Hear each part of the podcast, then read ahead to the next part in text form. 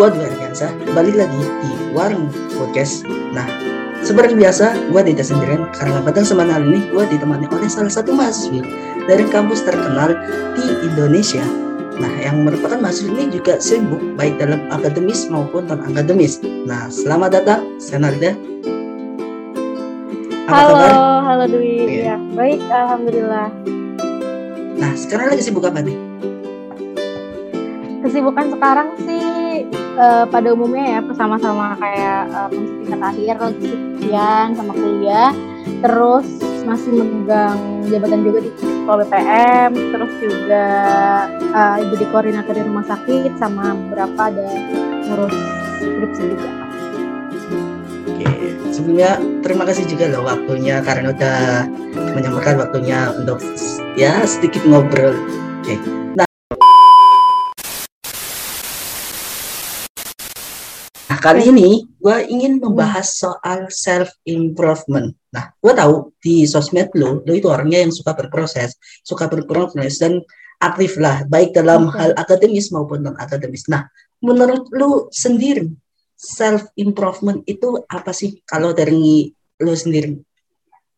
Oke okay, oke, okay. ini langsung banget ya. Oke, okay, jadi kalau lu cuma ngeliat dari sosmed ya mungkin ada sih beberapa. Karena emang sosmed gue khususnya Instagram emang gue emang gue jadiin buat branding lah istilahnya buat segala pencapaian atau mungkin segala pikiran-pikiran gue tuh ada di sana gitu. Mungkin orang-orang akan lihat uh, akan mendeskripsikan Alda ya sebagai orang-orang yang eh sebagai apa-apa aja yang gue upload di sosmed. Tapi kalau bahas self improvement menurut gue ini pernah disinggung juga sih pas itu ketika gue ngisi di acara suatu uh, apa namanya prospek maba ya di fakultas gue sendiri.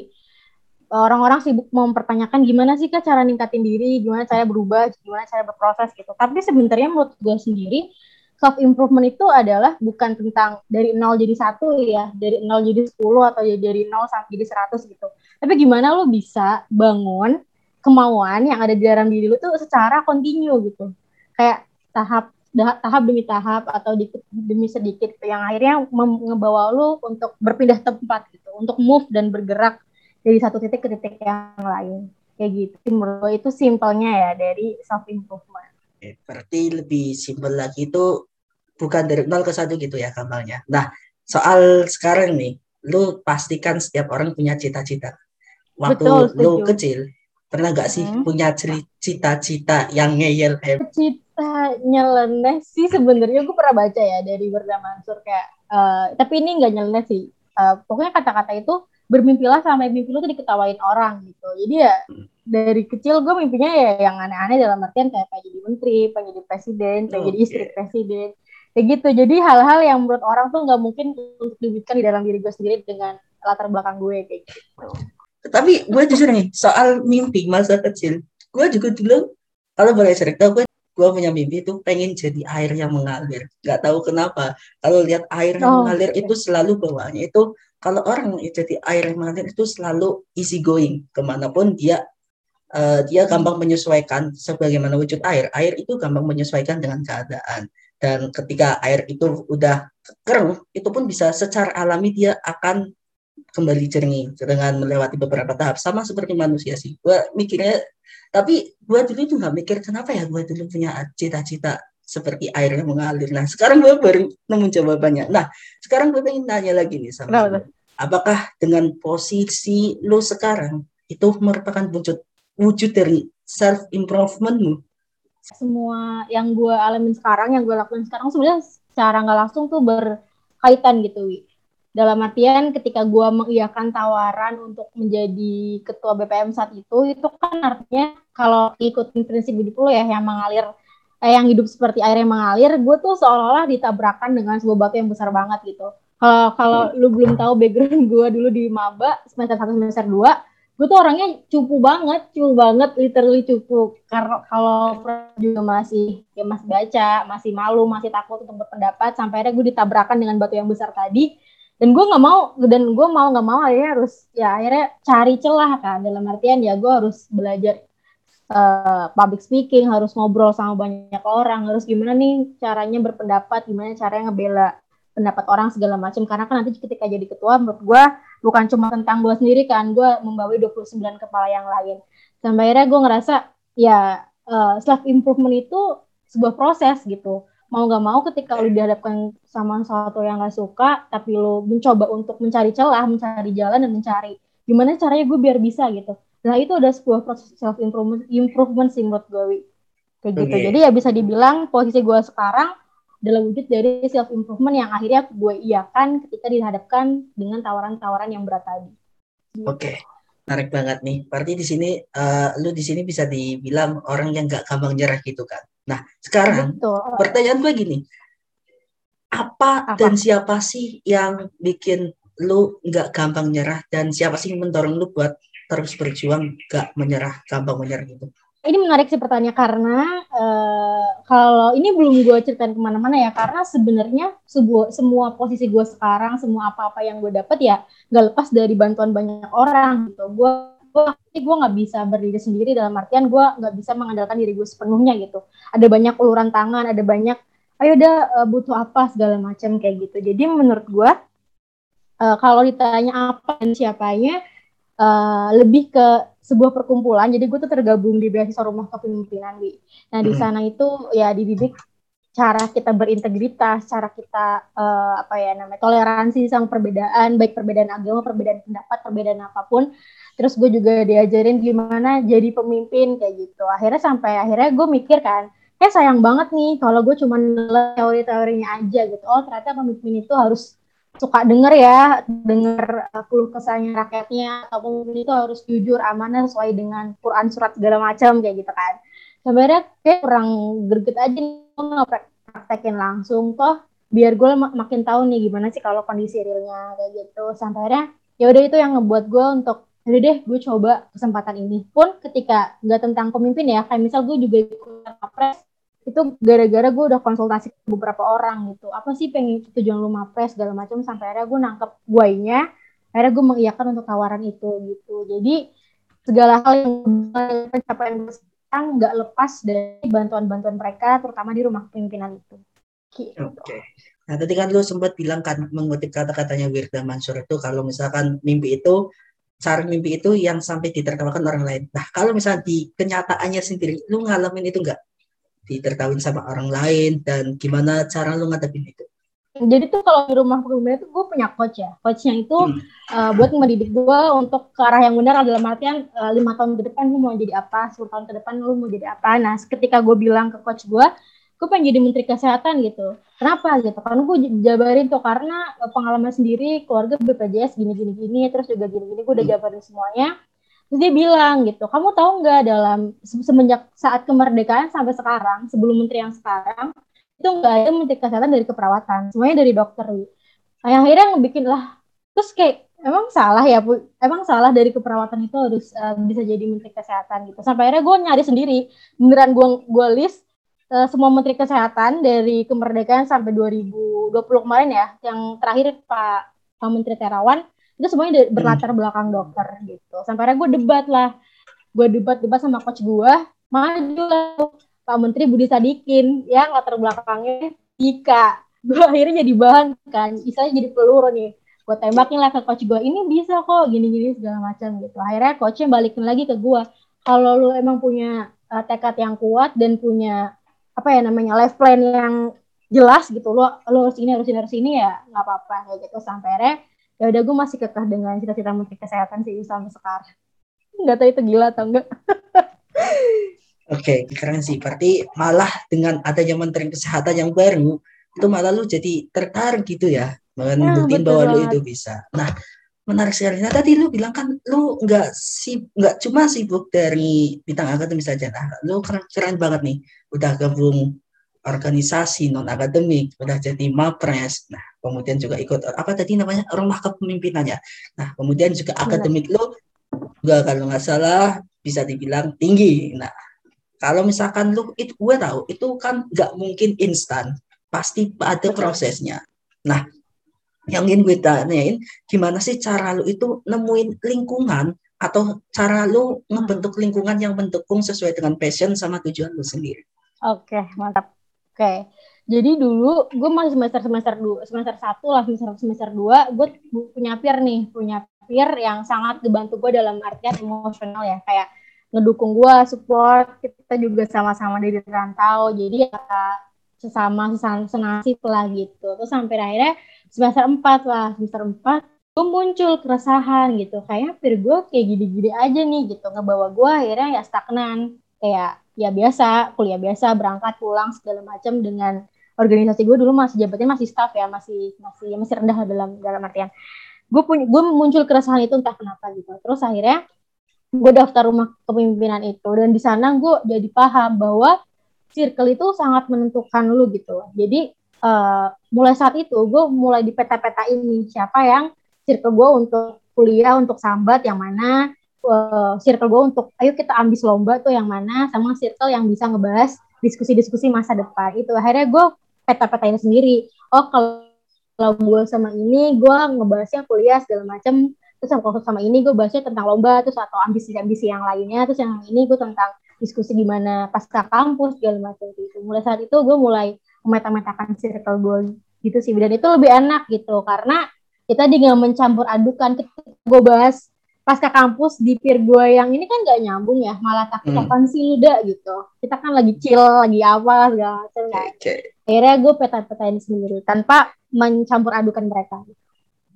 okay, siap. Menarik banget. Nah gue pengen tanya nih menarik lagi. Kata lu di situ kan harus di apa ada tempat-tempatnya jadi ya ada tempat yang misalkan share untuk bercanda ada yang waktunya serius dan lain-lain gitu nah Betul. bener nggak apakah dengan lu kayak misalkan bikin apa kayak story ataupun cerita berbagi sesuatu atau bisa dibilang di sini adalah hal yang kecil itu merupakan awal dari langkah lu buat meyakin diri lu buat semat buat terus berprogres karena kadang story gue mikir ah, ya bisa dibilang oh. story ataupun halnya untuk bercerita lainnya karena gue mikir gini kadang ada orang yang ingin melakukan hal besar tapi kadang nyepelein hal-hal kecil hmm. seperti itu menurut lu bener nggak atau itu merupakan langkah awal lu buat terus berprogres untuk memancing okay.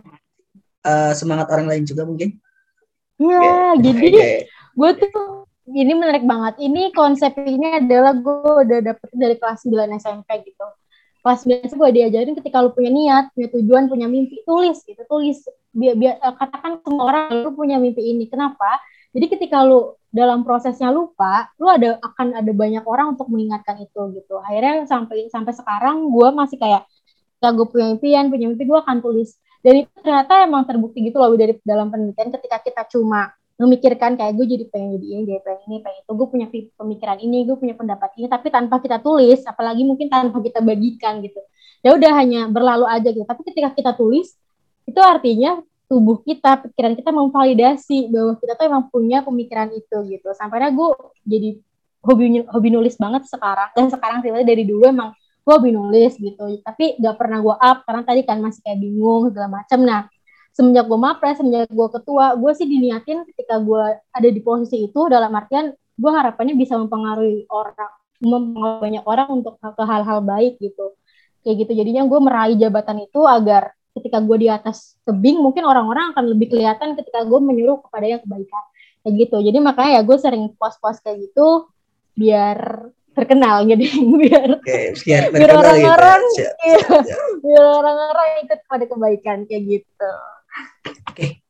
Menarik banget. Nah tadi kan lu bilang juga lu kan lagi pasti tiap hari itu sibuk apalagi sekarang udah mulai kuliah ya udah normal lagi. Hmm benar. Nah, gimana sih cara lu cara ngatur bagi waktunya itu biar setiap kegiatan ataupun yang udah di schedulein itu uh, bisa dibilang kena semua gitu? Nggak ada yang terlewat. Apakah lu bikin ditulis di kertas atau buku buku atau ada note sendiri atau gimana? Oke. Okay. Oke, ini sebenarnya pertanyaan kisah ya yang pasti ditanyain oleh banyak orang. Gimana sih kok yeah. bisa kayak kepegang semua gitu? Prinsip awal karena gue muslim ya gue usahain untuk sholat tepat waktu. Karena ya gue udah trial sendiri saat itu. Saat itu gue uh, berada pada kondisi yang berantakan banget. Ini personal banget sih ceritanya. Ketika gue magang di sebuah tempat cara online BFA tapi gue dibarengi dengan magang offline di RSUI ya terus gue harus jadi koordinatornya segala macam dan dengan tugas-tugas yang masih banyak ya harus baca buku harus uh, tilawah segala macam gue berantakan banget saat itu gitu. Kayak gue dimarahin bahkan di dari atasan. Gue di RK diajarin integritas diajarin bertanggung jawab tapi pas gue ngejalan itu bener-bener struggle itu sampai akhirnya gue apa ya yang salah apa yang harus gue benahin dari awal gitu kan. Terus akhirnya gue yaudah deh katanya kata orang ketika kita mau memperbaiki sesuatu ya lu coba perbaiki dulu dari sholatnya gitu. Akhirnya gue coba tuh beneran gue trial kayak satu minggu walaupun bisa nggak bisa gue akan tepat waktu gitu. Karena gue pengen membuktikan ini bener gak sih gitu. Atau ya udah hanya hanya lelang omongan orang gitu. Dan ternyata bener sih dan dari dari satu minggu itu jadwal shift gue berubah dari atasan tiba-tiba terus gue udah mulai enjoy nggak kena marahan lagi terus juga meeting kantor jadi kurang pokoknya ngerasa wah beneran dimudahkan banget sih itu yang pertama ya karena gue uh, as muslim. Terus kalau yang kedua kalau secara general uh, gue emang bikin list gitu wi. Kayak kayak gini. Ini gue emang ada kayak hal-hal yang daily rutin kayak misal baca buku okay. sholat relatif mengerjakan skripsi baca um, tugas tilawah kayak ah, gue emang kayak gini gue bikin. Soalnya kalau nggak kayak gitu gue kadang terlena gitu lah sama waktu. Tapi kadang beberapa juga merasa nggak bekerja itu nggak nggak mempan. Nah makanya gue kadang juga membagi waktu gue uh, ketika gue inget sesuatu gue akan tulis gitu oh ya gue belum ngerjain ini. Tulis aja ngerjainnya mah ya ketika ada waktu luang gitu. Kayak gitu akhirnya uh, semua PR-PR tadi yang mungkin cuma sekelebat ya terus tiba-tiba bisa lupa karena gue tulis akhirnya nggak lupa dan akhirnya gue kerjain. Kayak gitu sih uh, manajer YouTube akhirnya ya alhamdulillahnya masih ke backup sejauh ini walaupun ya pasti gue bisa ada beberapa yang uh, akhirnya di delegasi juga ke wakil gue itu gitu. tadi catatan aku kira itu kayak catatan utang. Aduh tunggakan. Beda ya? Oh, kalau udah tuh biasanya gue coret gitu. Okay, kalau okay, udah biasanya gue coret kayak gini. Ya, gitu. biasanya lo bikin kayak gitu ada berapa list dalam satu hari yang harus lo lakuin? Kebanyakan sih rata-rata tak uh, lima lima. Lima, lima oke okay, yang harus dilakuin. Nah kan sibuk itu dalam organisasi baik non akademis maupun non akademis ya nah sekarang apakah dengan kesibukan lu itu sendiri lu ngerasa lu itu hilang waktu lu buat bermain atau waktu lu buat ngumpul sama teman-teman buat cerita tuh hilang atau gimana? Pernah ngerasa gitu nggak? Iya, okay. pernah banget, pernah banget. Kayak masih sampai sekarang deh, karena kan gue masih berterhubung ya sama teman-teman sama gue, teman-teman gue yang lain kan di WhatsApp terus gue tiap ngeliat orang tuh ya Allah kok orang kok bisa jalan-jalan? Ya bisa makan gorengan tepi pantai bisa nongkrong. Gue nggak bisa gue sampai nanya kok mama gue gitu loh Wi. Kayak lo kok temen-temen gue kayak gini sih? Gitu. Gue masih depan layar seharian rapat belum lagi yang sih kayak gitu. Gue pernah ngerasa seenggak adil itu gitu sama kehidupan gue sendiri jujur li. Oke. Nah itu kan tadi lo bilang apa apakah ketika lo seperti itu lebih mentargetkan ketika udah selesai itu ada self reward sendiri untuk lo kayak misalkan oh aku kalau selesai tugas ini kalau misalkan selesai habis apa kegiatan ini atau lain-lain aku harus ini buat kayak self reward sendiri. Hmm, kalau dibilang harus enggak sih, karena menurut gue kerjaan gue gak kelar-kelar, jadi jadi ya udah sama aja makanya karena gak kelar-kelar, gue kayak cheat-cheat gitu loh di tengah-tengah kesibukan gitu tengah-tengah kesibukan gue nonton film gue dengerin musik kayak gitu sih paling cuman kalau emang uh, pergi atau jalan-jalan itu kayak di luar rencana dalam artian kayak tiba-tiba diajak gitu, dan gue nggak enak untuk nolak gitu jadi nggak yang direncanain banget ntar kita hari Sabtu ke sana itu jarang banget gitu. Berarti lebih ke yang gak diduga ya, ya. Nah, mm-hmm. kan tadi kan lu bilang apa waktu main lu itu benar-benar kepotong gitu kan ya di babat habis sama kesibukan lo. Pernah nggak lo ngalamin atau ngerasain jenuh sama kesibukan lo sendiri? Dan biasanya apa yang lo lakuin? Pernah. Apa? Iya ya. Jenuh tuh sebenarnya kalau tugas-tugas ya udah jenuh tuh kadang sama HP gitu. HP gue kan banyak banget ya kerjaan ada, tugas ada, organisasi hmm. ada gitu kan. Gue tuh kadang pengen lempar HP gue gitu loh kayak apa sih pada ngechat gue gitu. Sumpah gue pengen lempar yeah, banget yeah. HP karena gue pengen menghilang gitu. Gue pengen menghilang sehari dua hari nggak ada tugas. Gue pernah se jenuh itu gitu. Tapi akhirnya e, cara gue menyikapinya biasanya itu kan kayak ya udah selagi emosi aja kan. Jadi ya udah gue emang beneran menepi dulu gitu lah untuk ya udah ntar dulu deh balas-balasnya karena nggak mood segala macam malah nanti ngejawabnya malah nggak enak buat uh, orang lain gitu. Tapi biasanya gue tidur gue tidur sih paling. Tidur terus habis itu dengerin musik apalagi ya? Uh, ya buka sosmed lah ya. Karena kita gak bisa dimungkiri pasti terikat sama sosmed. Tapi sos sosmednya tuh kayak ya udah nggak ngebalas chat orang. Kayak cuma buka-buka aja. Itu sering banget gua. Terus apa lagi kalau lagi banyak banget kadang gua matiin centang biru sih gue pernah gue pernah chat lu dan lu kayaknya udah lihat tapi kok warnanya nggak berubah? Obat itu pas lu lagi banyak kerjaannya. Udah jenuh banget. Iya bener banget. Okay. sorry sorry iya oke okay, okay. gitu sih paling. Oke. Okay. nah terakhir nih mungkin sebagai penutup dari pengalaman lu sendiri dari pengalaman lu sendiri yang udah lu lewatin mungkin dari kecil sampai sekarang dalam meningkatkan kemampuan diri. Mungkin ada pesan untuk teman-teman mungkin di luar sana yang ingin mencapai goals atau tujuan mereka, cita-cita mereka. Menurut lo apa yang perlu diperhatiin atau pesan lo? Oke. Okay. Buat teman-teman lain. Oke, okay, siap. Oke, okay. ini gue ngutip dari adalah cutting gue di UI Dia tuh bilang ini, uh, kadang orang-orang suka membatasi dirinya dalam artian katak ya cuma bisa lompat. Kenapa katak harus disuruh manjat pohon? Atau ikan ya cuma bisanya berenang nggak bisa manjat pohon segala macam. Yang seolah-olah kita nggak bisa melakukan hal yang di luar kemampuan kita gitu. Padahal sejatinya kita adalah manusia kan? Manusia itu adalah sebaik-baiknya hmm. ciptaan Allah gitu yang diberi kecerdasan diberi kemampuan untuk berpikir. Nggak kayak hewan yang yang punya nafsu doang nggak kayak tumbuhan yang nggak bergerak dalam artian bergerak secara fisik. Kita punya uh, indera kelima indera yang sangat sempurna gitu. Kenapa pada akhirnya pikiran-pikiran kalian malah mendiskreditkan bahwa kalian tuh nggak mampu untuk melakukan banyak hal gitu. Padahal ya tadi kalau balik lagi dari uh, prinsipnya bahwa manusia adalah sebaik-baiknya ciptaan harusnya bisa mengoptimalkan itu gitu, memaksimalkan kemampuan dan potensi yang dimiliki untuk jadi satu yang suatu hal yang mereka mau. Jadi mulai saat itu gue ngerasa apa pun di dunia ini yang kesannya nggak mungkin kalau kita nggak pernah membayangkan itu mungkin pada diri kita pernah terjadi gitu. Karena ketika kita membayangkan oke okay, gue mau jadi presiden nih terus kayak wah kayaknya nggak bisa deh. Kayak kayak gue kan anak daerah segala macam. Akhirnya kan kita nggak hmm. akan pernah berada di jalan itu gitu loh Wi.